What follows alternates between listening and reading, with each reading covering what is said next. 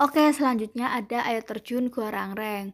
Nah, eh, air terjun Gua Rangreng ini memiliki daya tarik tersendiri. Di sini ada beberapa daya tarik dari air terjun Gua Rangreng, yaitu yang pertama pemandangan alam yang asri.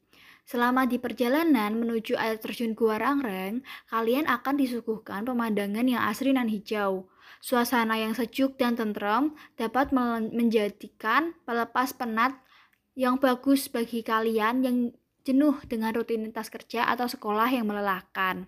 Kalian bisa mendapatkan energi positif sepulang dari air terjun Gua Rangreng tersebut. Nah, yang kedua itu kalian bisa bermain air karena air terjun yang jernih dan berasal dari berasal langsung dari pegunungan merupakan daya tarik wisata alam yang keren.